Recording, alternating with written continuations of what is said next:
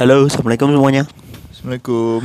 Eh balik lagi sama gua Gilang Gua Fatah. di podcast Serabutan. Serabutan. Eh kita sekarang ngebahas eh tentang sebenarnya mepet-mepet tentang topan yang terjadi di Jepang sih. Episode 16 ya. Apa judulnya? Judulnya Beda Jepang, Beda Indonesia. Eh, pembahasan beda Jepang, beda Indonesia di sini ten- eh, bermasalah berhu- eh, berhubungan dengan penanganan bencananya. Eh, secara kita tahu ya Indonesia dan Jepang itu Mirip-mirip. mirip-mirip geografinya, geografinya mirip-mirip Eh, Jepang di pinggir kepulauan hampir kayak kepulauan juga ya, tapi emang satu doang gitu. Ya. Tapi emang di pinggir pantai juga banyak Iya, bibir pantainya apa gitu. namanya? Kalau misalnya pantai itu. Kan kalau sawah agraris ya. Maritim. Oh iya maritim. Maritim ya? Bener gak sih gua? Iya maritim. Bener ya? maritim. Ya kayak gitu. Kalau Indonesia juga kan udah tahu kita negara kepulauan juga. Eh terus kenapa Indonesia dan Jepang sama-sama sering kena gempa?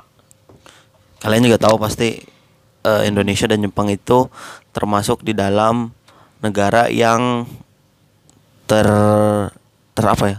Terdapat apa? Ter- termasuk Nah. termasuk di dalam Ring of Fire. Ya. Ring of Fire, cincin api. ya. Kenapa Cincin- ya? Kenapa apa? Namanya itu? Karena Karena banyak apinya. karena banyak Karena banyak gunung. ya gunung dikelilingi, berapi ya. ya. Dikelilingi gunung berapi ya. Heeh. Kira-kira- Bentuknya cincin. Enggak juga. Maksudnya Enggak maksudnya banyak gitu. Terus juga bentuknya emang kayak lingka- ya. lingkaran gitu kan ya. dari Indonesia terus kena ke negara mana, negara mana, terus Jepang Iya. sampai Ini mana. nggak- Ring of Fire nggak Asia doang ya? Hmm, cuma- sampai Amerika Latin pun ada kan Iya. Peru, Iya, iya. Setahu gue itu sih. Jumlah dan jumlah Nah, apa? ini kita ngebahas ini gara-gara apa nih? Kita ngebahas ini gara-gara gue pengen bahas. Iya, ngebahas ini sih sebagai ini aja eh, untuk evaluasi kita dulu pribadi nih pendengar atau Hmm. pengomong apa pembicara.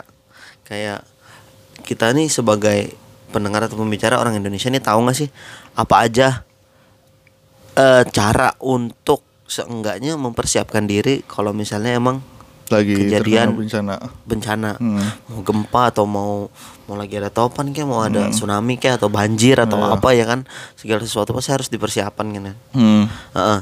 yang pertama dulu tadi gue mau ngomong Indonesia itu sama Jepang jumlah eh, gunung berapinya nggak beda jauh Indo- Indonesia berapa 127 gunung berapi yang aktif ya Yang aktif. kalau untuk Jepang setahu gue 111 atau 110 kira-kira. Ya 111 lah ya. Eh pertama gini, eh, kita tahu Indonesia belum lama ini emang di di kenain musibah ya atau terkena musibah itu hampir secara ber- beruntun nggak nggak beda jauh gitu. Pertama di Lombok, Banyak ya. mm, eh, ba- Lombok yang Palu ya? Lombok Lombok Palu Eh. Palu beda Beon. Lombok yang mana? Oh, yang gempa ya? Dekat Bali gempa yang Oh iya ya. eh, di Iya, iya. Lombok, Iya. terus juga eh, di Palu, terus belum lama lagi ini di Ambon ya. kan? Iya. Di Ambon lagi banyak banget ya, Mm-mm. Bang. di Lombok yang kita tahu emang parah juga emang parah sih kemarin tuh emang lagi parah parahnya di Lombok sampai anak-anak juga pada trauma kan terus Ya, juga kemarin kan. Emang parah banget sih yang di Tapi yang paling parah di Palu ya. Kalau gua sih ngelihat karena gua ngelihat lokasi yang kemarin Langsung ke terjun. Palu ya Nah.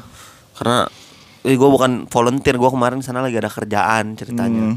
kerjaan gua sebagai pengganti eh, orang yang kerja di sana karena mereka karena mereka kena ini apa namanya orang teman-teman kantor gua tuh Hmm. eh, kerja di sana dan keadaan mereka itu kemarin lagi gempa juga jadi mereka tuh ya harus balik ke Jakarta untuk mengikuti proses yang namanya kayak apa sih ke datang ke psikiater itu Eh, Sebutannya apa? Konsultasi. ah heeh. Eh, enggak konsultasi juga sih. konsul bener Oh, bener. Heeh, ke sana Tapi untuk emang bukan emang kalau konsul kan kita yang datang. ya ini kan Oh, ini dia datang datangin dia. Sama. dia mesti datang juga kan Iya, iya, iya. Iya dia datang karena mereka secara nggak langsung juga di dalam bawah sadar mereka cerita kalau mereka itu juga ada rasa trauma-trauma dikit masuk kamar atau masuk rumah takut karena takut tiba-tiba gempa. Kemarin katanya pas lagi gempa itu mereka jalan nggak bisa benar-benar mereka pegangan ke ini apa namanya? Ke tiang rumah. Sampai Padahal udah udah kelar. enggak pas lagi pas lagi apa namanya gempa Oh, udah udah kelar gitu udah kelar kayak, nggak kalau udah gitu. kalau udah Nah, kelar dia masuk ke rumah nggak berani karena takut kejadian kayak gitu lagi Iya. Tapi emang di Palu kan kayak waktu itu ada videonya kan, Hmm. kayak kayak di film aja gitu tanahnya sampai Oh, iya, likuifasi itu ya. Iya, sampai Jadi- kayak 2012 kan. Mm, filmnya. tanahnya ber dibalikin lah intinya jadi berubah jadi liquid lah ya Iya, iya. berubah jadi kayak air jadi semua apa namanya semua desa sampai hilang ke Iya. ke tanam. Permukaannya Nah, juga sampai nah. mm, kenapa ngebahas ke situ juga nih? Pertama kemarin kan kejadian di Palu. Mm-mm. eh di mereka didatengin nih sama eh, namanya Goto Shinya. Mereka perwakilan Badan Kerjasama Internasional Jepang saat berada di bandara Sis Al Jufrifan mengatakan antara Indonesia dan Jepang memiliki lingkungan serta memiliki potensi yang sama. Mereka pertama mereka eh, si Jep- si orang Jepang ini datang kayaknya untuk ngasih tahu deh kata kayak eh, lu mesti cara penanganannya gimana. Terus juga mungkin ya sebagai salah satu Itu ke mana dia datang? ke ke Palu. Oh, yang Palu kemarin. Heeh. gimana cara nanganinnya atau mungkin gimana? Nih dia ngomong gini, Jepang dan Indonesia memiliki lingkungan yang sama dan banyak mengalami gempa bumi. Tensinya juga sangat sering gitu. Mm-mm. Tapi yang bagusnya ini kan kalau di Indonesia ya emang menurut kita ya kurang lah ya eh, edukasinya tentang eh apa namanya? Bencana edukasi alam. bencana alam. Hmm. Kalau di Indonesia sepengalaman gua untuk kayak simulasi simulasi mm, bencana alam itu kayaknya cuma di kerjaan. Gue sih tapi belum pernah ngalamin ya. Ngalamin simulasi lu udah pernah kuliah atau SD SMP? Seinget gue sih waktu dulu pernah pas pas apa ya? Pas TK kali. TK. Bisa lama Apa banget ya? lu. Pas SD gue lupa pokoknya dulu buat kayak ada emang dijadiin kayak suatu acara gitu. Hmm. Kadang-kadang biasanya di SD atau TK tuh ada yang eh pelajaran kayak masak-masak gitu. Iya. Nah ini kayak ada juga bagian kayak gitunya dijadiin eh pelatihan untuk me- apa sih ini simulasi simulasi simulasi Eh, bencana simulasi alam. fun-fun gitu sih Iya. sebenarnya ya kalau masih kayak SD, Iya. SMP, eh kalau masih kayak TK-TK gitu. nggak nggak nggak seriusnya nggak serius serius banget tapi ya secara nggak langsung kan nggak edukasi tahu secara itu. langsung nih. Nah, perbedaannya dari Indonesia dan Jepang, kalau Jepang emang udah ada edukasi dari sedini mungkin Mm-mm. tentang gimana cara evakuasinya. Jadi kata si Goto Shinya ini si Taruh gue cari dulu, dia ngomong apa ya? Oh, taruh dulu dia ngomong gitu. Eh Te- tercatat ada sekitar 5 gempa besar dengan korban meninggal cukup besar sempat mengguncang Jepang yakni pada November tahun 684 wih, itu masih dua dekade dua dekade dua abad. 2000 tahun yang lalu eh 2000 hampir 1000 tahun yang lalu lah ya. Iya. 1000 Jauh sampai 1000 banget ya. jiwa, 1000 dan 100 sampai 1000 jiwa 1 Desember eh 1 September 1923 itu 142.000 jiwa. 17 Januari 1995 itu 6.000 jiwa dan 11 Maret 2011 15.000 jiwa. Dan Udah, itu ya, dari zaman dulu udah dicatatin ya? Oh, oh, nah itu dia yang bagusnya dari Jepang. Itu mereka pencatatan tentang eh, bencana alamnya sangat ter ter apa ya namanya? Terorganisir. Terorganisir dan tercatatkan seperti hadis. Bisa di trace sampai akhir guys. iya iya. Mereka bagus. Dan terakhir di tahun dua- 2016 itu cuman ad- jadi ada ada ada bencana. Tapi untuk korban jiwa itu nggak ada cuman cuman ada 15 korban luka-luka aja. Jadi secara kalau dilihat statistik tuh ya penanganan mereka itu dari yang korbannya 142 ribu jiwa sampai cuman kayak 6 ribu jiwa doang itu kan turunnya gede banget ya. Iya, secara apa ya?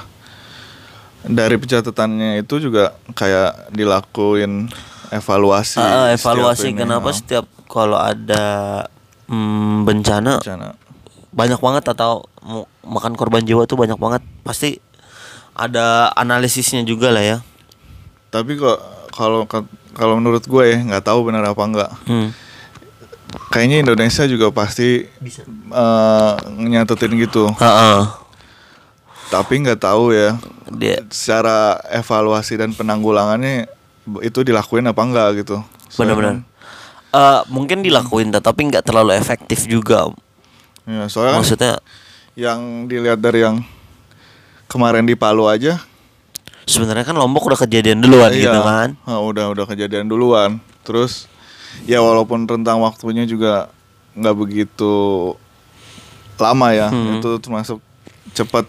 Hmm. ya tapi seenggaknya kan kalau misalnya itu udah ada hal-hal yang udah dicatat terus kemungkinan bisa diperbaiki untuk bencana-bencana yang setelahnya. Tapi kita juga nggak bisa nyalahin pemerintah secara keseluruhan iya kan? enggak kok ah. Heeh, nih pertama mereka dia si bapak gotok sinya ini gotok sinya san waduh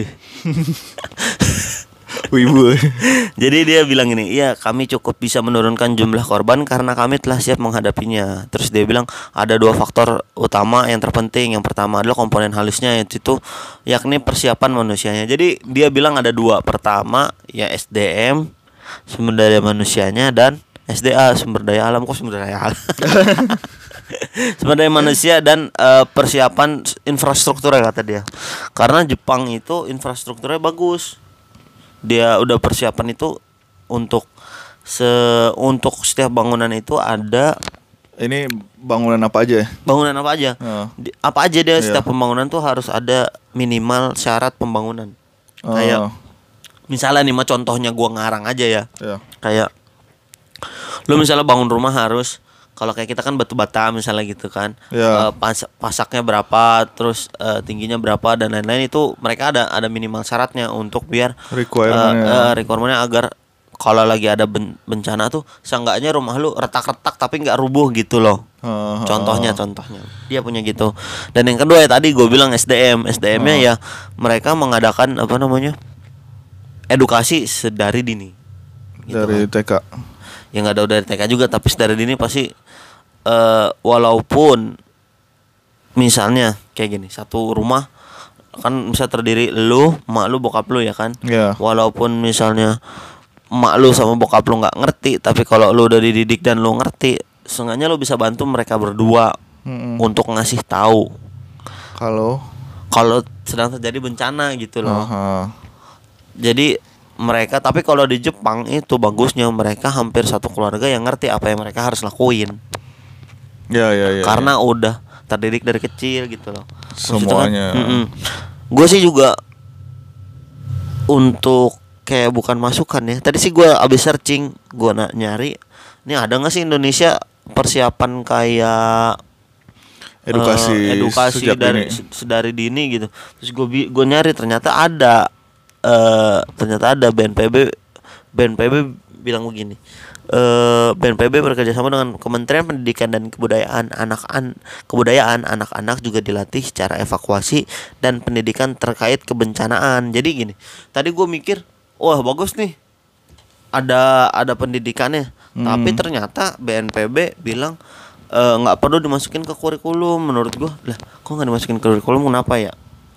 Tapi secara kalau kayak anak sekolah sih eh reasonnya sih masuk akal karena kata BNPB biar nggak memperbanyak PR kata dia ih bener juga ya kalau. Iya. tapi kan kayak gimana ya kalau dimasukin ke kurikulum ya nggak mesti dikasih PR juga lah maksudnya Ya, praktek lah jatuhnya praktek, praktek heeh. aja jadi kayak kurikulum praktek kayak olahraga gitu harusnya kan malah malah apa ya malah murid malah seneng dong kayak gitu ya lari-lari gitu kan Iya, kalau masih bocah mah demen gitu-gitu lah ya nggak ngebosenin Heeh uh, apa nih? Kok lu diem aja? Enggak, mindahin mindahin gelas dulu. Takut jatuh. Kena kaki gua. ya apa tadi? Aduh. Apa namanya? Ya BNPB. Oh, apa? Oh ya. Ngasih edukasi. Ngasih edukasinya cuman ke ke beberapa tempat aja sih harusnya sih eh pemberian edukasi itu ke tempat yang emang rawan bencana sih menurut gua. Ini sih Benar. dia ngadainnya tuh kayak di daerah-daerah mana ya?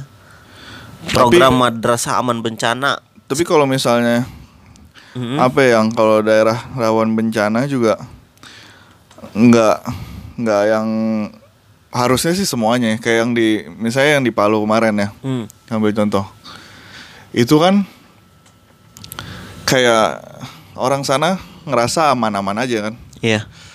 padahal menurut orang yang udah berkecimpung di dunia tata kota Iya. Seperti Cimol. ya kata dia ini salah yang ngatur kotanya Penataan Karena- kotanya udah jelek ya. salah bukan jelek salah Udah salah bukan jelek Salah, lagi. heeh. Kalau jelek kan berarti nggak salah. Iya Bener iya, iya soalnya kan itu tanah yang kemarin itu sampai begitu kan sampai apa namanya Likuifasi. itu. likuifasi itu sampai sampai Iya, seperti- banjir heeh, lah gitu ya. Kayak liquid berubah. iya itu emang gara-gara permukaan tanahnya Emang nggak bukan stabil ya. standar untuk diti- dijadiin tempat tinggal makanya emang eh itu kejadian itu bukan di tempat yang ini yang rawan bencana Oh itu harusnya nggak kenapa-napa maksudnya nggak nggak rawan bencana maksudnya gimana?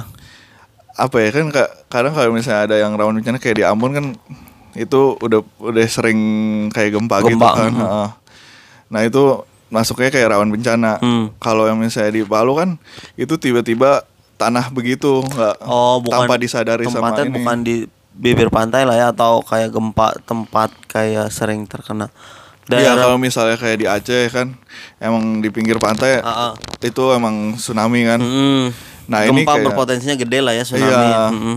Ini kayak di tengah kota dan tiba-tiba terjadi kan itu bukan emang rawan bencana dong. Eh, emang ya tadi balik lagi salah yang ngatur itunya, ngatur eh, kotanya itu emang makanya gue bilang harus harus semua semua semua masyarakat Hmm. ngerti edukasi tentang bencana. Hmm. Iya, karena itu tiba nggak nggak nggak mesti yang udah pasti terjadi bencana, yang tiba-tiba terjadi bencana kan juga pasti harus tahu.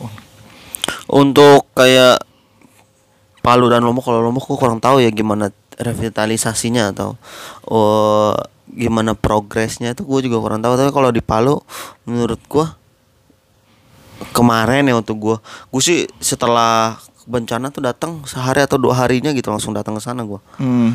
karena minta Setelah- gantiin setelah eh bencana. empat hari lah setelah bencana Hmm. empat hari setelah bencana gue ke sana gantiin teman gue dan gue juga sempat muter-muter sampai ke pinggir pantainya juga sampai ngeliat yang masjidnya masjid apung itu sampai udah nggak apung lagi di pinggir laut itu Eh, di pinggir laut. Hmm. Eh, emang sih rusaknya parah sih parah banget Hmm. tapi katanya temen lu kan ke sana Oh, ada iya. perbaikan nggak apa masih Iya. gitu-gitu aja Temen gua kan kemarin di sana ada acara gitu kan dia. iya Eh, kayak apa ya? Kayak pelatihan kali ya. Hmm. pokoknya ke sana lah intinya Ya, intinya eh, pokoknya oh dia ke daerah Poso. Heeh. Terus ini eh kayak apa ya kayak transit lah gitu ke daerah. Palu. Emang turunnya di kan di Poso itu agak dalam kan. Hmm. Yang turunnya di Palu. Terus dari Palu jalan ke Poso. Nah, Iya. di di Palunya tuh dia sempat keliling-keliling daerah sekitar katanya emang sampai sampai dia ke sono minggu dua minggu kemarin apa minggu kemarin gitu itu masih belum ada perbaikan sih masih kayak kota mati lah istilahnya Iya. emang antara emang takut ini ini Hmm. orangnya mau tinggal lagi di situ Hmm. sama ya emang udah nggak layak sih ditinggalin terus juga emang eh sebenarnya pemerintah udah katanya sih ngasih KPR kan dia Iya. nanya ke inian orang sekitar apa Hmm. ke ininya gitu eh apa namanya pada ini pada tinggalnya juga pada di ini masih pada di Pengungsian. pengungsian Tempat pengungsian ya. Eh, nggak nggak bakal mau katanya sih nggak bakal mau ngambil di situ lagi emang Ya, jadi mau ya emang harus pendidikan, bukan pendidikan ya kayak konsul gitu untuk menghilangin trauma itu penting banget sih. Iya Mereka karena aduh trauma tuh pasti lu ngelihat sesuatu yang pas lagi kayak saat kejadian gitu pasti kepikiran lagi. Kenapa sih gua apa kayak kenapa sih pas lagi maksudnya ngeliat kayak lu lagi dalam rumah misalnya pas lagi kejadian tuh Heeh. misalnya lu lagi di kamar gitu Heeh. lu ngeliat ceiling terus tiba-tiba gempa gempanya parah gitu terus lu Iya. ngeliat- terus lu misalnya udah set- setelah kejadian lu ngeliat ceiling lagi ya lu bakal ngerasa kayak ngerasain gempa padahal enggak gitu Iya, itu kan iya. bisa trauma bisa ngebuat kayak gitu berhas berhalusinasi ya berhasil lisan Salah. Iya itu kayak apa ya? Eh apa tuh dia kayak eh, kena kena bencana juga secara tiba-tiba gitu kan sebelumnya kayak belum pernah oh ngalamin kayak belum gitu, ya, gitu langsung ya. tiba-tiba langsung gede kan itu Iya. ke bawah sampai hmm. sok sok. shock therapy eh kita balik lagi ke Jepang Hmm. gua masih belum nemu di mana letak eh penanganan yang signifikan dari pemerintahan kita terhadap kayak bencana-bencana kayak gitu. Tapi kalau di Jepang karena ada ya, oh karena ada apa? ada topan, Aha. ada topan hagibis, udah ngapa kita bahas itu. Karena ada topan hagibis, jadi mereka mungkin berpikir bagaimana caranya agar topan ini malah menguntungkan untuk kita. Gila keren banget lah ya. Kita kita tuh kalau kita gimana caranya jika sudah kejadi Kita selamat. enggak kalau udah terjadi gimana caranya biar eh, bisa seenggaknya survive dulu Iya. ya kan kalau di Jepang eh, belum terjadi gimana caranya untuk memanfaatkan dan dimanfaatkan gitu loh Iya. beda lah ya Berpikir pola, pola tiga kali, pikirnya iya. beda loh pola pikirnya beda jadi Lebih kayak maju sekali. Ya, Eh, berapa kali? Oke kayak pembahasan balik lagi di Indonesia dulu deh. Kayak hmm, contoh kecil di Jakarta. Jakarta kan emang mau dipindahin ya ibu kotanya ke Hmm. Kalimantan dikarenakan emang eh, isu bukan isu apa namanya salah satu pertimbangannya adalah Jakarta udah penuh udah sesak macet dan juga Jawa itu emang berpotensi kena bencana alam yang sering gitu kan sering gempa atau sering banjir ya kan? Iya. dipindahkanlah ke Kalimantan yang di mana tempatnya eh, jauh dari tempat bencana menurut statistik itu Kalimantan hampir hampir ya bukannya nggak pernah hampir nggak pernah kena gempa yang signifikan banget gitu Tapi yang kemarin gempa kan bukan. apa Yang kebakaran bukannya daerah nah itu dia Situ juga. Nah, biarin lah itu mah nggak usah dibahas lah ya Iya. Ini- bencana kan itu bencana. sebagai contoh kan juga Jakarta ini setahu gua eh, mereka ini setiap tahun datarannya itu turun turun 2 sampai 1 sampai 2 cm. Jakarta. Mm-mm. Eh, dikarenakan penggunaan air tanah yang berlebihan kan. Hmm. Eh, terus juga kenapa Jakarta jadi sering banjir dikarenakan pinggir pantai dijadikan lokasi eh pariwisata kayaknya dan juga kurang ter ter apa ya namanya itu Tertata, bukan tertata ter organisir. Ter ter terlalu ngomong apa ya? gue ngomong apa nih gue suka lupa kalau ngomong begini nih ter Yang Terurus, terurus, Oh, terurus. iya, iya. tidak terurus sebagai contoh contohnya kayak eh gua gua kayak main tebak kata dari tadi ya Apa nih? apa yang kemarin kita bahas tuh yang hutan mangrove ya Allah. Oh, mangrove. Mangrove ya kan.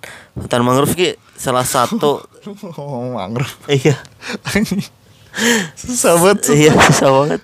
Hutan mangrove itu kan eh, sebagai salah satu pengurang alamiah atau penanggulangan bukan penanggulangan, eh benar pengurangan alamiah jika terjadi tsunami gitu kan. Ya. pernah lah kalian kayak ngeliat-ngeliat eh, tester atau uji coba kayak seca- eh, tsunami tsunami skala kecil terus di depannya ada susunan Mangrove. kayak mangrove gitu kan Hmm.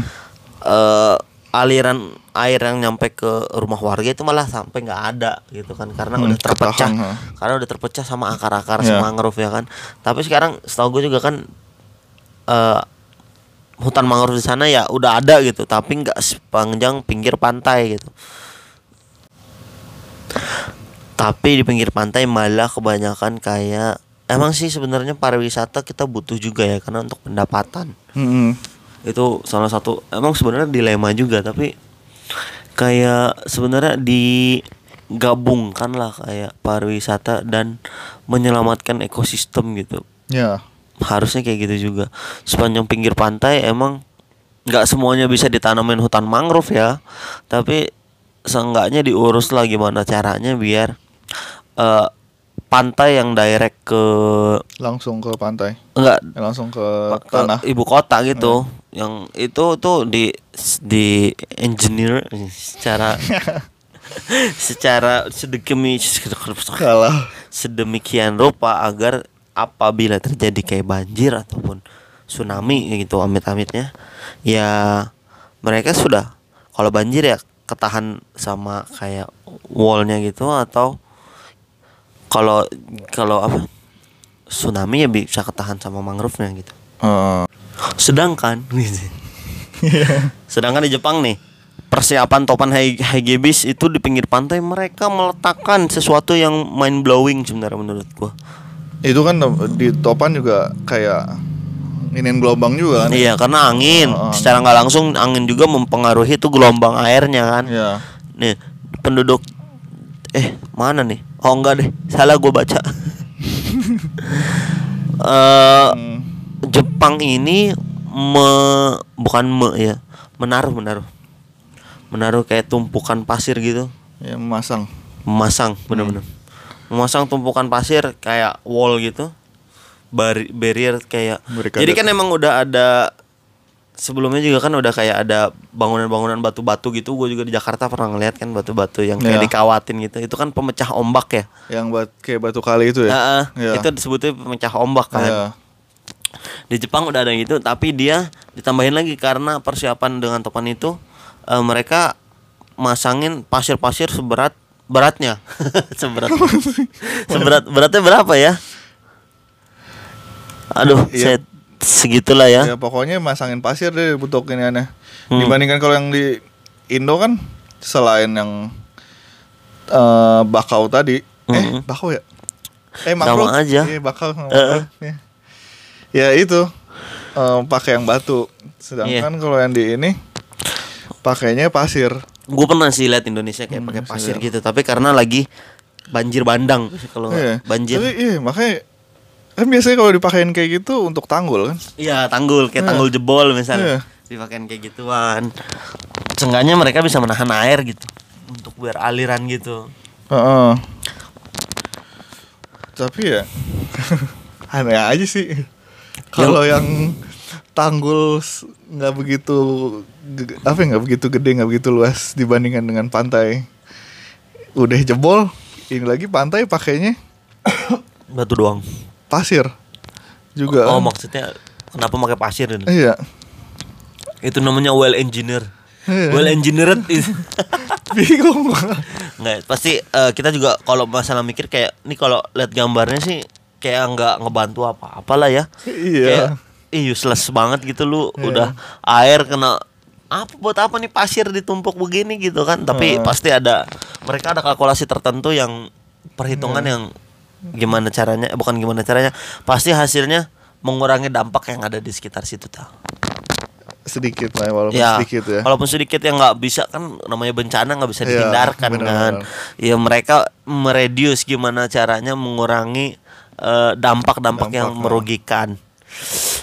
Nih, udah ini. Kalau terus top kita masih bahas topan. Kalau di Indonesia topan mah nggak ada lah ya. Hmm. Kalau Indonesia ya kalau nggak gempa eh tsunami, gunung meletus sama kecopetan. So, begal. Sama begal lo ya, sama begal. Kalau di sana ya karena empat musim lah ya. Ada musim dingin gak sih di sana? Di mana? Di Jepang. Ada dong, kan salju. Lima musim ya dia. Satu lagi musim anime. Kalau gitu di Indonesia lebih banyak. Ah, banyak ya. Kalah Jepang malah ya. Musim duren, musim Iya benar-benar. Kalah mana-mana juga kalau di Indonesia mah musim. Sini mah lagi musim begal begal. lagi musim Musiman, kolor hijau kolor hijau. lagi musim penampakan penampakan semuanya ya. Iya, sekarang lagi rame dia. Iya, musim-musiman mus kalau masalah musim-musiman mah kalah dah semuanya. Iya. Nah kan di sana topan ya lagi musim angin kencang lah ya musim dingin. Iya. Eh secara general yang gue tahu topan itu kalau nggak halilintar, halil- apa sih namanya sebutannya? Tornado. Tornado. Terjadi karena perbedaan suhu antara panas dan dingin. Terjadilah tuh mereka ngamuk akhirnya muter-muter kan. Iya. Eh, emang Sampai kayak kelihatan juga ya di atas. eh di eh, yang kayak bawah. NASA itu. Eh, oh iya Yang itu NASA-nya. awan nih karena Iya. terbawa gitu ya. Iya. Kalau di Tapi setahu gue itu Heeh. eh emang ke- kencang banget kan di atas. Di atasnya kata kata yang di berita juga ini eh badai terbesar di seluruh dunia. S- ya. Paling kuat. Mm-mm. Nah, eh kenapa dampaknya nggak yang separah separah yang kayak di mana-mana kayaknya di tempat lain kayak di Amerika pun kayaknya Amerika, masih kurang deh Amerika kan Amerika topan masih banget. sering tuh kan ya Iya. kayak kemarin kat, badai Katrina tuh nggak tahu Nah, ya itu kan kayak dampaknya parah banget gitu sampai rumahnya. hancur parah-parah kan ya. Iya. Kalau yang ini emang katanya sih waktu itu gue pernah baca eh, pas turunnya itu kayak lebih lebih ringan gitu. Jadi lebih di jadi lebih lambat. Kenapa gitu gue lupa. kayak percontohan deh eh, kira-kira nih yang kemarin sekarang nih kayaknya masih badai udah udah selesai sih Tah, Mana? di Jepang Lagi ini ini. Heeh. Udah lah. udah lah ya. totalnya kira-kira habis baca eh ya yang tadi kan 100 sampai sampai ribuan lah ya eh, korban jiwa. Ini Hmm. kita baca cuman 74. Bukannya cuma lah ya.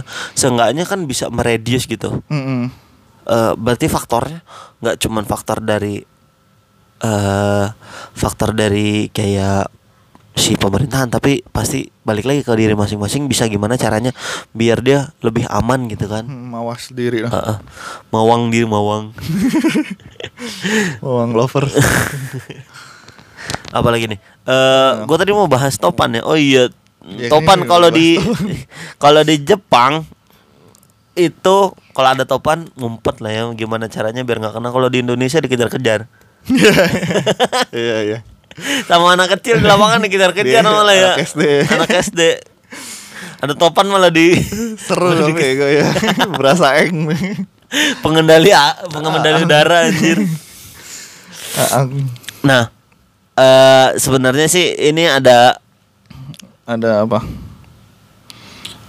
sebenarnya ada ada solving bukan problem solve problem solvingnya tuh bukan problem solving kayak ini eh apa namanya topannya bakal hilang bukan tapi mereka problem solvingnya gimana caranya kerugian dijadikan keuntungan bagi Yang mereka kayak lu bilang tadi di awal ya. Hmm, apa tuh gue bilang apa gue lupa Yang itu yang Jepang. Ah, Kalau Indonesia ber- berpikirnya untuk Ah, ah, supply. Kalau ya kalau itu gimana Jepang caranya ya, gimana caranya? mengambil keuntungan dari itu ya Iya. Coba deh kita baca dari sini. Apa ya nih keuntungannya mereka nih? Eh Jepang berbicara seperti ini. Sebentar. Super Typhoon Hagibis could new take turn Japan's superstorm into 50 years of powers. Jadi intinya jadi orang-orang di Jepang ini atau para technician, para technician, para para penonton Bapak-bapak ya para ahli di Jepang ini me- menghasilkan atau memik- mem- mem- menghasilkan suatu menginvent. kan udah ada. Oh iya. Oh ya. Jadi gimana? Ya udah. Iya sama aja. Menghasilkan suatu bukan teknologi terbaru sih gimana cara teknologi ini sebenarnya udah ada gitu udah dipakai Berinovasi gitu. berarti, ya. Berinovasi gimana caranya? Eh, topan ini gue gunain buat malah bisa-bisa eh, mensuplai listrik di Jepang selama 50 tahun. Gile. Gile gile mind blowing, mind blown, mind blown. Dari yang mereka gitu kan Kayak ini aja. Kalau orang Indo agak takut sama bencana kalau dia kayak nantangin bencana gitu. bukan nantangin memanfaatkan lagi maksudnya Ih, kayak nyari nyari bencana. Oh, jadi kayak, wih, gak apa-apa nih kayak ada bencana sering-sering daripada ngerusak terus, Iya, gue mesti ngapain ya gitu ya. dimanfaatin Jadi mikirnya kayak gini, kalau gue bukan nyalahin ini ya, emang kalau menurut pemahaman kita atau se se pemahaman agama kita kayak eh, bencana itu emang salah satu teguran dari Allah kan ya kan. Mm-mm. Eh, tapi kan gimana caranya memutar bukan memutar balikan ya memanfaatkan atau mengambil sisi positifnya? Itu dari suatu bencana. Kalau mereka kan kayak di Jepang ya lu bilang kemarin ada agama nggak sih? Gue juga kurang tahu kan. Adalah agama Oh, orang beragama beberapa Gue juga beberapa nggak tapi kan kalau ya. kalau Jepang kan emang udah terkenal teknologinya ya kan? Ya. eh kalau Indonesia gimana caranya buat kalau habis ada bencana ya jangan membuat hal-hal yang eh kayak tidak baik dalam tanda kutip tidak baik tuh kayak banyak apa ya dosa-dosanya jadi kurang-kurangin lah tapi kan kembali lagi gimana cara kita sebenarnya untuk problem solvingnya bukan kayak malah nyalahin per personnya sih sebenarnya Iya. Lebih oh ya ya intinya mah saling bantu aja gitu. Heeh. nih gue mau sebutin namanya apa jadi namanya adalah Magnus VAWT VAWT itu eh, vertical axis wind turbine Wih. jadi kenapa disebut vertical axis karena bentuknya vertical axis itu titik jadi bentuknya Ke atas. ke atas jadi kalau kalau secara secara ini deh secara kalian yang dengar-dengar oh gimana sih VAWT bentuknya kalau lu nggak mau searching kalau nggak mau searching ya bayangin gini kalau misalnya eh yang konvensional yang biasa wind turbine biasa pernah ngeliat wind turbine kayak kincir angin di Jep eh di Jepang Belanda. di Belanda tau kan kayak gitu ada tuh yang dari kayu yang biasa tapi juga ada yang terbaru dari, Dari kayak besi. dari besi Eh, tapi iya. tahu itu bahan pokoknya lebih kayak Lebih kayak kokoh, lebih streamline lah dan stream lebih bagus tapi Ya. kan itu mereka ngambil anginnya dari eh, dari depan ke belakang gitu kan Mm. memanfaatkan anginnya tapi kan kalau setahu kita tornado itu dari bawah ke atas muter ya Iya. kan nah bentuknya ini si VAWT ini ya mengambil anginnya ya vertical axis karena dari bawah ke atas gitu secara berdiri gitu Mm-mm. Nah, eh, apa namanya? Lo bayangin juga bentuknya kayak ini aja kayak kayak apa? ya? Tower, tower. ah bener bener bener Kayak bener tower, tower. Tower listrik? Enggak, gue tower. ah Tower ini untuk iniin sinyal. oh ya apa sih namanya BTS ya Eh, enggak tahu namanya Iya apa gitu. BTS yang lagu itu yang ya kayak kayak tower BTS bener-bener bener. Hmm. Nah gitu dah. Nah. Nih bilang lagi ya nih gue baca ini ya bahasa Inggris nih ya lu harus ngerti asik. Cold typhoons cold typhoons incredible energy be harnessed to power the homes of Japan 127 miliar orang. Jadi 127 juta orang ini kan kalau misalnya lagi ada bencana kayak gini kan secara secara apa ya? Secara al, bukan secara alami ya secara ke kelistrikan juga sangat mengganggu lah ya. Oh iya. karena bisa iya karena ya kalau kayak gitu kan aliran listrik kalau misalnya kena topan ya Putus. bisa putus ya kan kayak Oh. gitu-gitu Oh, maksudnya ganggu itu. Ah, ah, gitu loh kayak- dan juga produksinya kalau misalnya kayak mereka kalau mereka gua nggak tahu mereka ngambil listrik tuh kayak misalnya tenaga eh, tenaga misalnya tenaga eh, turbin atau pakai kalau di kita kan batu air. bara ya kan Iya. kalau di sana gua kurang tahu pakai apa siapa tahu kan produksi listriknya pasti terganggu dong kalau lagi ada bencana kayak gitu Iya. gitu loh Tapi Merek- mungkin di sana mah diakalin misalnya. Kan ini salah satunya eh karena kena topan Yup. itu bisa putus. Terus diakalinnya pakai turbin ini bisa melalui tanah. Nah, iya itu gitu. dia benar juga. Heeh. Bisa Ntar, tanah. eh, ada alternatif lain. Kalau misalnya yang di tanahnya hancur, Pakai wifi. Pak, ya mungkin bisa itu kayak kayak Nikola Tesla kan Ya, benar, benar, benar, benar, gitu, benar. Pakai listrik eh, wireless lah ya. Iya. Jadi tanpa harus ada kabel tapi listriknya bisa di apa namanya? Disebarluaskan. disebarluaskan. Dan secara nggak langsung juga kan ini mereka bilang bisa sekali topan bisa 50 tahun berarti dayanya besar lah ya. Banget. Nih, bilang Japan's Ministry of Land, Infrastructure and Transport and Tourism estimates that the energy of one large typhoon is equivalent to about 50 years of Japan's total power generation. Gila ya sekali topan itu diperkirakan kekuatannya sama dengan 50 tahun generasi eh, pemakaian dari listrik di Jepang secara keseluruhan. Gitu. loh. Maksudnya Ci, apa ya? apa? ya? lu gak ngerti. Jadi sekali topan, jadi sekali topan itu Menghasilkan menghasilkan daya. daya, Untuk bukan untuk 50 tahun ke depan, maksudnya sama dengan nih bisa dihasilin di udah di riset nih misalnya 10 50 tahun yang lalu itu penggunaan 120 juta megawatt misalnya gitu. Heeh. Ah, ah. nah giliran sekali sekali adanya topan menghasilkan jadi 130 juta megawatt gitu loh. Oh setara gitu setara. Ya kan setara sama dia Iya. bisa diperkirakan Iya, iya, iya, sama iya. dengan 50 tahun gitu.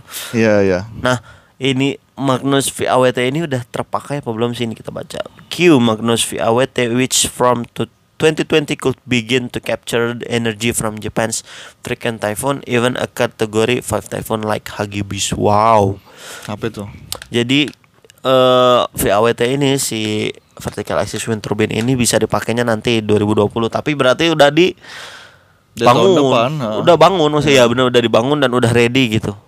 Bisa eh, bisa mulai menangkap energi dari eh, seringnya topan di Jepang. Hmm. bahkan sampai kategori yang sangat besar yang di, malah seba- sebesar yang dibilang ini kan eh, topan terbesar di dunia ya. Hmm. terbesar Mm-mm, di ter- dunia terbesar. Si VAWT ini bisa nahan maksudnya bisa capture gitu. Iya. harusnya kan topan gede gitu seenggaknya mereka keangkat lah ya. Iya. maksudnya malah ke bawah gitu. Saking kencengnya. saking kencangnya tapi ini malah bisa di menghasilkan energi. Aduh gua pusing ini ini mereka. juga kayak yang tadi dibahas di awal juga. Hmm. mungkin dari dari hasil pencatatan yang baik Nah. tahunnya ini menghasilkan suatu keuntungan ini. Eh, nih why this innovation is timely in Japan? Eh sebenarnya untuk inovasi ini sebenarnya udah lama. Bukan karena cuma sering ada topan tapi karena eh terjadi di mereka tuh bikin gini bikin pengen ada inovasi ini semenjak ada eh, gempa dan tsunami yang tinggi banget di Jepang itu tahun 2011 jadi menghasilkanlah mereka kayak eh, kan mereka juga setelah gempa dan ada tsunami itu kan mereka kan pakai nuclear power ya kan? Dulu. Sekarang. Oh, untuk sekarang kemarin- iya mereka tuh pakai nuclear power. Oh iya. Heeh. Eh, Jadi mereka tuh kayak ah gue nuclear power kan bahaya kayak Chernobyl gitu kan, Iya. sekalinya. Sekali bocor. Bocor gitu kan mereka bahaya. Ini mereka akhirnya gimana caranya? Free. Bukannya free ya menggunakan yang energi yang terbarukan dan tidak membahayakan Eh, aman lah, gitu kan. Ya udahlah emang beda pemikirannya juga. Kita harusnya bisa mengcopy paste sih. Sekali mengcopy paste yang nggak maksudnya lu ngadain eh, minta atau menciptakan si turbin VAWT ini ya. Tapi gimana caranya eh, dari yang terkecil dulu eh, penanganan ke SDM-nya dulu deh sebenarnya. Dari benar sih BNPT udah ada kayak tadi Ngadain, dia hmm. program ngadain tapi kan nggak gue sih gue sebagai yang pernah sekolah nggak ngerasain gitu secara signifikan eh, ada kayak eh langsung gitu ngerasain gimana t- eh, pelatihan yang Heeh. realnya gitu. realnya gitu kan cuman dari berita atau dari Hmm. ngelihat misalnya ini kan kayak kurang aja gitu mending kalau misalnya langsung kan secara nggak sengaja kan ada tuh yang kayak di kantor-kantor di Jakarta udah udah kayak ada ini ada simulasi. Ya nggak di Jakarta doang semuanya pasti kadang Oh, ada, iya, ada. Eh, eh. Eh, tapi biasanya sih cuma kantor-kantor kantor-kantor gede gitu deh seenggaknya kantor-kantor Iya, yang kan. emang udah terkenal deh. Itu kantor-kantor kecil mah nggak ada. Oh iya nggak ada. Iya kayak kan seenggaknya kalau misalnya ada kayak gitu mendadak gitu nggak nggak yang Ada pemberitahuannya tahu, ya, dulu. oh, ini ini ada simulasi terus ya sebelumnya pasti ada ada edukasi kayak harus apa harus apa ya pasti ada kan. iya iya iya ntar pas praktek itu kayak secara nggak langsung tiba-tiba gitu itu kan kayak membekas aja gitu kalau misalnya udah udah beneran. terekam di motorik lu lu harus Iya, ngapain gitu iya, kan gitu. kalau misalnya gempa ngumpetnya di bawah meja jangan ngumpet di dalam lemari misalnya iya gitu, gitu. bener kan itu kan Iya. motoriknya kayak eh secara nggak langsung oh gue mesti ke sini gitu dah Iya, udah udah- udah bergerak refleks, secara ya. otomatis gitu tanpa tanpa harus lu mikir gue gue mesti ngapain gue mesti ngapain gitu kan Ah, kalau yang bingung panik gitu kan malah panik yang, kejebak malah- yang ya. ada teriak-teriak yang ada orang kalau panik kan kadang malah nggak bisa bergerak tah kayak Oh iya. malah jongkok diem gitu kan Ah. orang panik kan gitu kayak Ah. bre- kayak freeze nge-freeze gitu Iya mereka iya iya. Itu yang mesti ditanganin kan gitunya panic attack-nya itu yang mesti ditanganin sebenarnya kan Perilaku. eh. Heeh. Kayak perilaku kebiasaan. kebiasaan nih sebelum penutupan ada masukan dari kita juga menurut dari kita ngambil dari dari ini sih dari detik.com jadi kita kan kayak sering kena gempa atau ya, Ya, bencana lah. bencana lah ya tempat-tempat yang rawan bencana sebaiknya punya yang namanya isi tas siaga bencana ini sih paling penting menurut gua walaupun sebenarnya kan di sini disuruhnya kayak tasnya udah ready lah jadi tasnya udah ditaruh gitu isinya itu terus Harusnya. harusnya Harusnya. jadi kayak udah ada bencana ya lu tinggal ngambil terus bawa gitu kan Iya. Iya sih, tapi kan kalau gitu. kita mikir ih buat apa naruh-naruh gituan gitu kurang kerjaan anjir gitu Hmm. naruh gitu dong tapi seenggaknya kita tahu nih nanti misalnya emang kalau lagi ada misalnya bagi kalian yang tinggal di pinggir pantai amit-amit misalnya jadi lagi gempa terus ada potensi tsunami ya kan Ya, soalnya yang kemarin juga yang di Jepang Hmm. kan ada tuh di berita yang eh, pada kayak kalau di sini mah Alfa sama Indomaretnya kan Ah, pada habis tuh habis. untuk persediaan.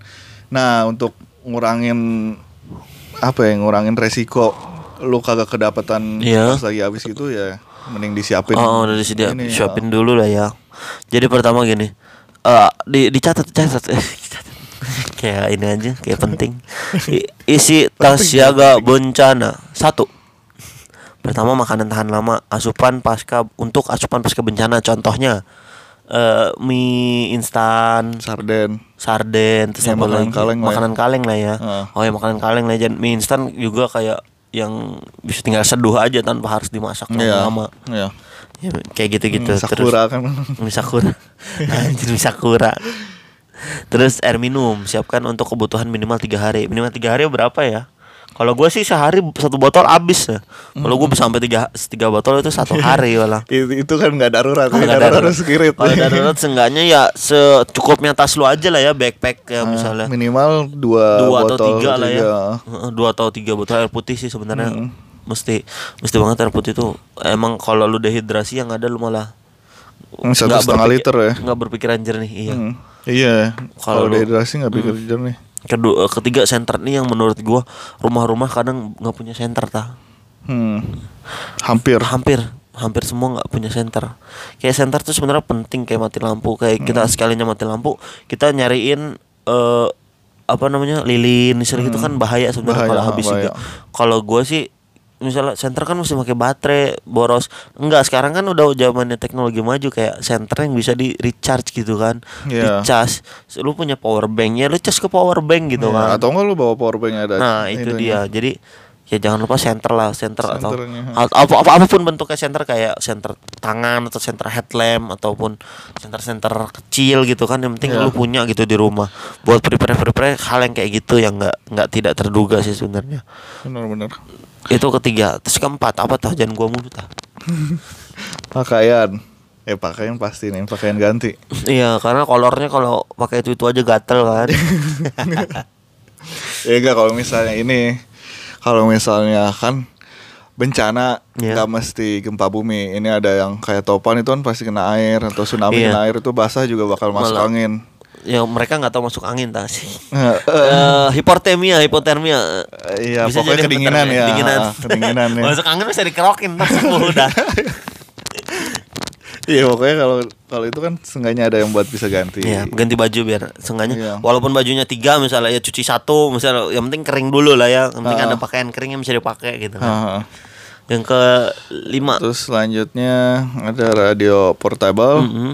Sebenarnya radio portable tuh ini udah paling susah orang pada pakai iya. Lu punya nggak? Gua nggak. Gua ada di rumah. Sebenarnya ya itu untuk eh radio portable tuh untuk ini kan. Eh, bisa dia bisa nangkep yang kayak halo-halo gitu nggak sih? Mm, nggak bisa nangkap yang yang AM gitu? Bisa ada. Kalau portable dia AM FM dia bagusnya gitu. Oh, iya. Heeh. mereka bagus radio portable mau gimana pun caranya. Kayak lu lagi ada bencana apa pun mereka tetap bisa eh, nangkep sonda eh, apa namanya gelombang suaranya dari Hmm. itu makanya kan yang lu kayak nonton nonton film-film gitu Iya. sih kayak Butuh komunika- kabar gitu ya. komunikasi kiamat dalam tanda kutip kiamat Iya. komunikasi terakhir kiamat itu radio radio Heeh. gelombang radio karena gelombang radio bisa merich ke mana pun jadi seenggaknya kan bisa dapat kayak radio lo denger apa namanya eh berita-berita terkini gitu kan Hmm. Nah, tapi iya, juga kan harus harus sediain baterainya mereka kan pakai baterai Hmm. Tapi kalau misalnya itu Nih kan nih ada yang selanjutnya Ada handphone nih Mm-mm. Di handphone sebenarnya bisa gak sih pakai kan ada ada radio juga Iya, ada radio. AM FM enggak FM doang kalau radio HP Oh kok dulu juga ada AM oh lu HP ada Iya. AM coba lihat gua Eh ada AM nggak setahu gua FM doang kalau radio Emang iya Eh, eh, coba Apa di mobil ya kalau di mobil ada Iya di di mobil Kalau di mobil ada. Kalau di HP setahu gue nggak ada. Karena di mobil juga gue suka dengerin Oh iya, FM radio. AM. Enggak, Iya. kalau kalau AM mesti download lagi.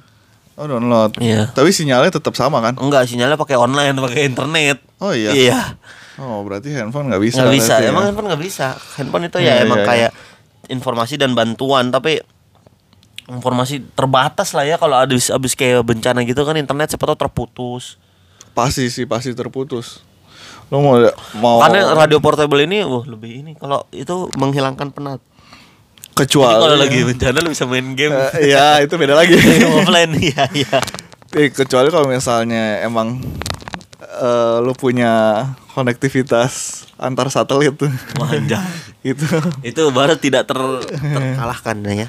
Iya. selanjutnya ada dokumen dan surat. Ya udah heeh.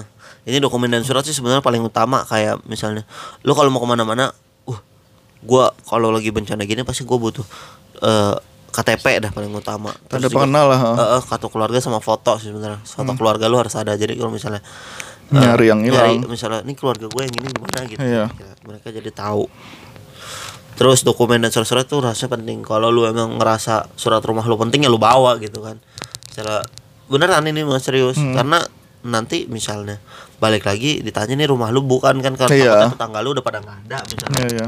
kayak gitu terus selanjutnya ada uang cash Waduh sekarang kayaknya susah uang cash karena kita juga Iya. apa-apa online sih. Tapi ya kalau misalnya udah ya semoga aja nggak nggak yang separah kejadian, itu. iya. Kalau misalnya seluruh dunia udah udah terkena musibah misalnya, Iya. udah kena bencana. Iya, uang cash kayak gak berlaku gak sih? Uang cash buat, malah berlaku lah. buat apa? ya? Lebih dia orang-orang lebih mending mending kayak supply baterai atau barter lebih balik kayak ke Oh, zaman dulu penting barter. barter ha. Mm-mm. kayak misalnya minumannya itu uang uang cash udah kayak nggak berlaku lagi itu lebih Ya ini bukan seagak bencana daerah lu aja lah. oh ya udah Uang cash lah. Makanya ada beberapa orang yang kayak nyokapnya cewek gue tuh emang bener-bener nggak pernah naruh duit di online lah. gue juga termasuk yang kayak gitu sih kayak kurang yakin Oh, iya. ini ya Kalau gue online mulu malah. Tapi emang gue mikir kayak lagi kayak bingung nggak ada duit, gue susah nyari duit dan narik duit. Tapi kalau ada duit tuh kayaknya pakai cash aja gitu lebih gampang. Terus taruh di rumah gitu kan. malah sekarang kalau misalnya di online lebih licin keluar ya sih Iya sih. iya Terus juga peluit. Nih peluit nih. Karena kalau kalau misalnya lagi nggak kena tahu nih bencana misalnya. apa ini Apa? fungsinya Kalau misalnya nih sebagai contoh aja, kalau misalnya lu berlindung di goa misalnya kalau enggak Mm-mm. Seenggaknya udah lu udah pakai ada perlengkapan udah lengkap. Terus amit-amit lu di dalam gedung terus ketimpa gedung misalnya. ya Reruntuhan. Tapi lu masih bisa bergerak eh, ngambil fluid tuh bisa new fluid. oh istilahnya kayak Lo- flare lah ya Loket lu, ya Oh. ngeloket lu di mana. iya iya iya iya. Kayak gitu. Oh, tapi bahaya juga ya kalau misalnya kan kayak misalnya lu di goa gitu, terus eh kan hewan-hewan yang hewan misalnya hewan buas lah, Hmm. itu peka sama suara kan, malah Iya. nyamperin malah Berantem aja berantem dah. eh, iya takutnya gitu. Selanjutnya masker. Nah masker tuh kalau kayak ya itu mah kalau mungkin kayak lagi ada asap-asap atau apalah ya. Apa yang adisional pilihan nih? Heeh. oh iya. Dari pilihan Eh additional benar tambahan. Nggak pakai pun nggak masalah menurut gua kalau lagi bencana mah. Ya bisa dipakein yang bisa lain. dipakai gitu. yang lain. Tutupin mau pakai baju kayak misalnya Iya. bisa masih bisa itu mah. Terus yang paling utama sih kotak P3K kayak lu bawa obat merah kayak gitu terus enggaknya eh Hansaplas Hansaplas apa sih sebutannya? Iya, Hansaplas. Iya itu kan perban merek. gitu, Iya perban. perban. Ya, ya. Oh iya, iya. itu merek ya? Merek itu. Apa ya? Plester. Oh ya plester. Plester. Hmm, ya. Lu harus plester kalau nggak kapasnya seenggaknya yang paling penting obat merah dan Betadine ya. plester. Betadin merek. Oh, gue iya. bilang betadin mana gue bilang obat merah. Iya dah. Oh, ini juga nih. Kalau nggak fresh care, oh, jangan. iya, Resker ya, Tapi, Resker min ini, eh, apa? minyak ini. minyak telur gitu. Iya, Iya, gitu. iya, gitu-gitu. Butuh butuh. Terus juga yang terakhir yang yang pasti se kalau bisa tasnya tuh tas yang tahan air. Oh, itu benar ya. Harusnya. Harusnya ya. Kan lu pasti ini kan kayak ada Misal baju. lagi hujan, ya, misal ada gitu hujan. ya. Iya, basah gitu. Dokumen-dokumen lu masuk basah sama aja Dokumen. bohong ya. Kalau dokumen sih emang pasti harus diplastikin Plastikin ya. lah ya. Iya, pasti yang pasti itu sih gitu. intinya nih kita rekap lagi makanan, air minum, senter pakaian, radio portable, surat-surat, handphone, uang cash, peluit, masker dan kotak P3K. Itu Nah. sih hal-hal yang penting. Eh kalau dipikir nih kayaknya banyak banget di tas gak bakal muat, muat sebenarnya muat. Muat sih sebenarnya habisnya di di air minum sih sebenarnya gua. Eh, Fullnya. sebenarnya kan ada yang kayak tas ini kayak tas carrier gitu Heeh. yang lebih gede itu juga kan Heeh. bisa tahan ini bisa tahan Oh, iya, air benar. bisa tahan Lama lama dan tahan bencana. ya benar Udah ya cukup lah ya. Ya. eh cukup sekian semoga kita Indonesia bisa eh, berimprovisasi menggunakan eh, seenggaknya mengambil contoh gitu. Hmm. gimana caranya Jepang tuh menanggulanginya dengan cara ya dari kita kitanya dulu dari kita tersendiri dulu deh. Benar. Masing-masing kalau emang mungkin pemerintah pusing mikirin yang lain pusing mikirin gimana caranya bisa iya gitulah intinya deh. ya pok- ya pokoknya eh kalau kalau apa nggak jadi deh ya berarti dari kita sendiri kan sekarang internet udah luas terus juga eh, informasi-informasi kayak gini nggak terbatas lah Ta- nggak terbatas dari BNPB dan pemerintah pun tanpa mengasih tahu eh, gue udah tahu ngapain gitu kan Hmm. Eh, ya udah gue sadar diri aja sebenarnya. Hmm, terus juga jangan ngambil keuntungannya keuntungan yang jelek kan kalau misalnya Jepang. Kayak tadi keuntungannya bagus ya. Untuk seluruh Jepang. Iya, kalau malah itu. misalnya ini kan kadang kalau Indo misalnya ada bencana yang kemarin di Jepang aja malah diangkat kayak misalnya eh, banjirnya gitu jadi konten kan Oh jadi bagus kotor Iya, walaupun hoax ya. walaupun hoax ya, Heeh. kayak dijadiin yang buruk lah Heeh, seenggaknya ya udahlah kalau emang itu gimana caranya biar ngebantu satu dan satu dan satu sama lain gitu. Terima terima kasih semuanya sudah mendengarkan. eh mohon maaf udah lama nggak bikin podcast karena kita juga agak sibuk sih patah sih ya sebenarnya sibuk. Dan juga kita nyari-nyari alat-alatnya capek nggak Iya, ketemu-temu. kemarin eksperimen. Eksperimen eksperimen. Eh, terima kasih udah dengerin semuanya. Assalamualaikum. Assalamualaikum